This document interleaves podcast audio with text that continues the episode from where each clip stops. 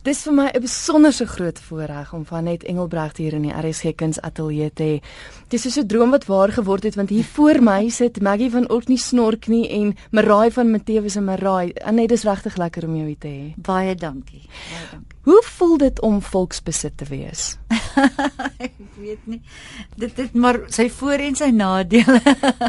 Want ek meen nou word ook nie snort nie weer uitgesaai op televisie. Dis so dis en Matthewes en Maraai, ja. Dis waar, so mense wat jou nie eers van destyds sien jou nou weer en dit Ja, ek moet vir jou sê dis nogal vir my vreeslik verrassend as kinders wat ek weet definitief nie in die era van ook nie snort nie al gebore was nie of selfs Maraai 'n twinkel in hulle ma se oog was nie. Mm. Nou na my toe kom en vir my kom handtekening vra of my sê hulle het na my gekyk en hulle het dit geniet. So daar is 'n nuwe gehoor en ek is baie dankbaar dat kyk net mm. dit so uitsaai want dit verseker darm dat ek my gehoor behou. Hoe voel dit vir jou om weer na jouself te kyk? Ek meen jare later. Dit is nou interessant dat jy dit sê want ek het vir die eerste keer na myself gekyk onlangs. Ek het nog ek doen opnames en dan kyk ek nie na myself nie. Dit is my baie swaar. Dit is vir my pynlik. So jy het jare terug, ekskuus, toe ooit nog nie opgeneem op Matthewes en nee, nooit daarna gekyk. Ek kyk nie my eie stukke nie.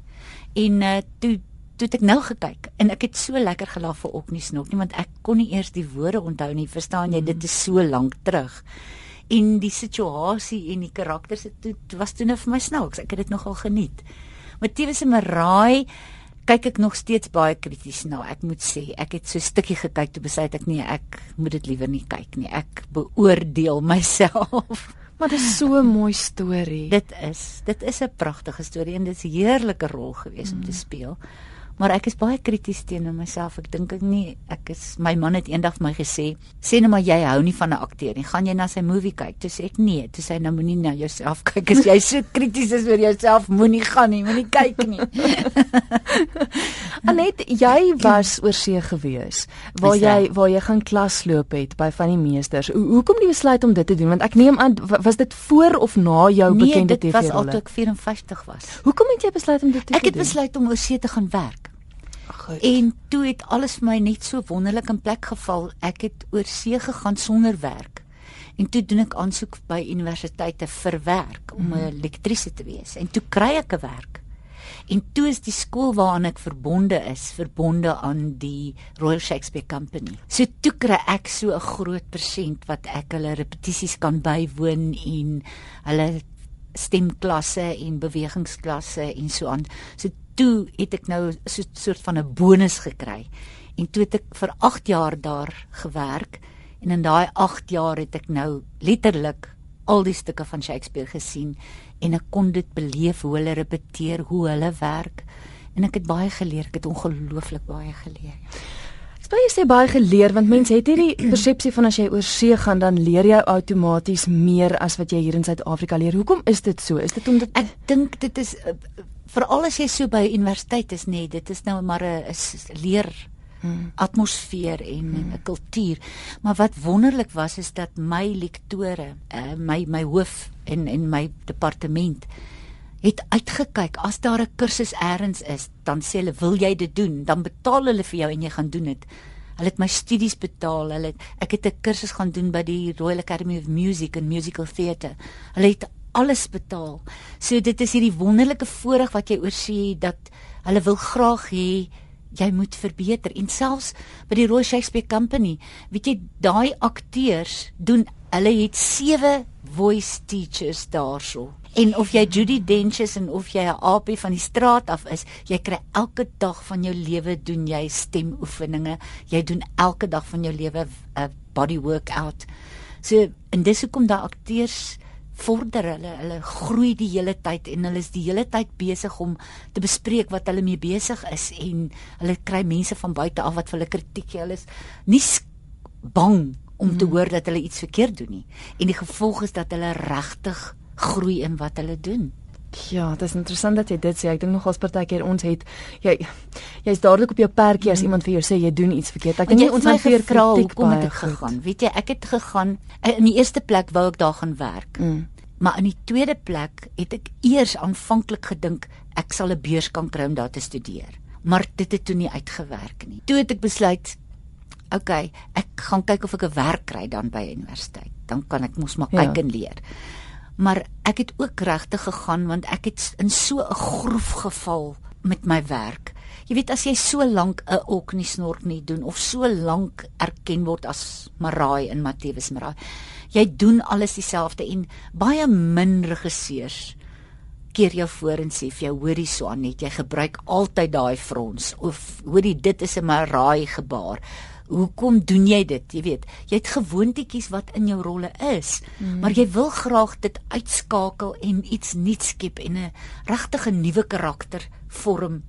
En ek ek het regtig 'n behoefte gehad dat iemand my kritiseer. Ek het byvoorbeeld daarso uh, saam met uh, Liz Garden wat 'n baie groot regisseur in Engeland is, het ek Hello and Goodbye gedoen. En dit was verskoon die Engelse woord excruciating want dit is nou die regte woord. Dit was pynlik vir my want sy was so vinnig vir my al my verkeerde gewoontetjies uitgewys. En dit was my fantasties want ek het met daai een produksie so baie geleer want sy kyk na jou nie soos iemand in Suid-Afrika na my kan. Ja. Ek is vir haar niemand nie, jy ja, weet. Want sy ken jou maar net nog 'n aktrisetjie ja, ja. wat vir die eerste keer iets doen in haar land. So sy sy het nie omgegee om vir my kritiek te gee nie en ek was geweldig dankbaar daarvoor. Ek het gevoel ja, dis hoekom ek gekom het. Ek wil leer. Ek wou my stem verbeter. Ek wou sien hoe doen jy regtig navorsing vir 'n rol?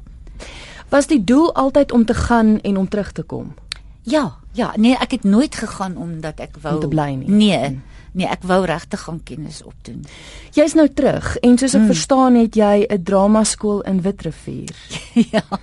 Ja, ek het 'n dramaskool oopgemaak in Nelspruit in, in Witrifuur, ja. Ek ek voel net ek het so baie geleer. Ek wil graag ander leer. En uh, ek is nou ek bly nou in Witrifuur, so ek het besluit daar waar ek is laat ek van nut wees, jy weet. Ja, maar nou is jy so ver vir die van ons wat jou hier nodig het. die eintlike rede hoekom jy vanaand hier by my kuier is om te gesels oor 'n eenvroustuk wat jy wat jy in die bos toe vat. Dis Draaikolk. Vertel my bietjie van die teks want dit is 'n vertaalde stuk, né? Nou. Ja, dis 'n vertaalde stuk. Ek het In 2007 het ek die stuk gesien in Londen met Vanessa Redgrave. Die stuk se naam in Engels is The Year of Magical Thinking en dit is 'n ware verhaal van Joan Didion wat 'n teksskrywer en 'n 'n joernalis was. Dit sy het ook boeke geskryf sy en haar man John Dunn en sy het haar man en haar enigste kind verloor binne 'n baie kort tyd. Hmm. En terwyl dit gebeur het, het sy aantekeninge gemaak en toe die haar kind dood is na 2 jaar toe sy met niks sit nie toe kyk sy na die notas en sy besef maar ek moet hierdie in 'n boek vorm weet die die notas het 'n boek geword. En uh, toe is die boek so suksesvol dat Scheffer haar, haar gevra het om dit vir die verhoog te verwerk en hy het toe vir Vanessa Redgrave in die rol gesit. En ek het dit gesien en toe ek dit sien toe dink ek wow jy weet ons in Suid-Afrika het so baie plaasmoorde. Ons het so baie dinge hier waar ons mense verloor. Hmm. En nie net mense nie, hier so baie mans byvoorbeeld wat hulle werk verloor en mense rou oor dinge wat hulle verloor. En hierdie hierdie wonderlike stuk waarin hierdie vrou totaal kop verloor amper want om te rou is jy nie altyd by jou sinne nie jy weet jy jy gaan deur verskillende fases en soos ons almal weet in die rouproses en hoe elkeen dit vir homself moet uitwerk om by daai punt van aanvaarding te kom. En elkeen se pad is ja, anders. Ja, en ek het toe mm. toe die stuk sien, toe dink ek, "Joe, dis iets wat ek nogal graag sal wil doen." Toe het ek baie lank gesukkel om die regte te kry om dit te vertaal en uiteindelik is dit toe nou vertaal en um, So het jy dit self ook vertaal? Ek het dit self vertaal, ja. Wat seker 'n besonderse uitdaging moet wees dit ek... was dit was was my eerste keer dat ek iets vertaal en uh, ek moet eerlik vir jou sê ek het met omtrent 6 woordeboeke gesit en want want jy wil graag presies sê wat sy sê in Afrikaans dat dit en en die woorde moet dieselfde emosionele waarde en die intellektuele waarde hê as wat die Engelse woord het. Dit is nie net om net te vertaal, letterlik te vertaal nie. Dit is ook om daai die die emosionele en die die dinge wat in haar kop aangaan uit te bring. So dit was nogal 'n uitdaging, maar dit was my baie lekker. Nou die vertaal is een uitdaging, maar ek neem aan die speel is 'n ander uitdaging. Ja, heeltemal 'n ander een. want want ons ons beleef haar rouproses, is ek reg? Is dit waaroor draaikolk ja, gaan? Ja, dit is. Hmm. En uh, jy weet eintlik is dit nie so treurig soos wat dit klink nie. Dit is eintlik baie snaaks op plekke, jy weet, want sy doen snaakse goed. Sy koop byvoorbeeld vir haar blou hospitaalklere. Jy weet, hmm. uh, hierdie scrubs wat hulle van praat in ja. Engels koop sy vir haar en sy gaan besoek haar kind in hierdie klere, jy weet.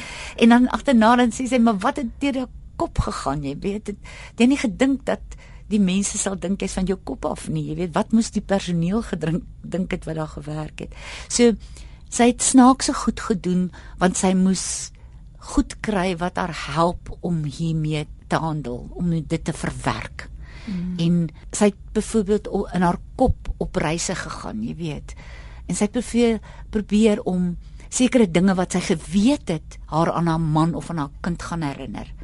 Het sy probeer vir my, sy het byvoorbeeld die paaie probeer vir my wat hulle altyd gery het. Sy het die plekke en die restaurante probeer vir my. En dan as sy daar land, dan begin die een gedagte lei na die volgende gedagte van herinnering aan wie hulle was en en waar hulle was. Dit klink vir my asof dit 'n storie is waarmee ek dink so baie mense kan identifiseer want almal van ons het al verlies in ons lewe beleef. Absoluut, ja. Hmm. Is dit die eerste keer wat jy hierdie stuk nou gaan opvoer? Ja, ja, dis die so debuteer by Annie Ja. En Louis van die Kerk is die regisseur. Af Ja. Ja, so Matthias en Marais weer bymekaar. Ons is weer bymekaar. Dis wonderlik om met Louis te werk want ek voel half of hy 'n halwe woord sê en ek verstaan hom. Hmm. Ek dink ons kom ook uit dieselfde skool uit. Ons was albei by druk vir baie lank. Ons het onder François Swart gewerk. Ons het dieselfde invloede amper gehad. Hy seker baie meer as ek by ander regisseurs. Maar ons het 'n 'n punt waar ons mekaar kan vind en uh, dis verskriklik lekker om saam met hom te werk regtig waar want ek voel ons ons het dieselfde entoesiasme en dieselfde mates waarmee ons meet jy mm. weet Goed, jy debuteer nou by In die Bos. Ek hoop darm dat hy na ander feeste toe ook sal gaan. Ja, ek, ek hoop so. Wonderlik. Kom ons kyk gou vinnig na die datums by In die Bos as luisteraars 'n draai by Draaikolk wil maak. Ja, die datums is die 26ste Junie open ek 7uur die aand. Dan is daar die 27ste Junie 10:00 die oggend 'n program. Mhm. Mm en dan die 28ste en die 29ste Junie voer ek op om 2:00 die middag. Dit was so lekker om jou hier in die ateljee te hê en vir my ook baie lekker om hier te wees. En sterkte met met draaikolk en Ach, ja, die wonderlike storie wat ek dink jy het om met mense te deel. Baie dankie. Ek het daai sterkte nodig, moet jou eerlik sê.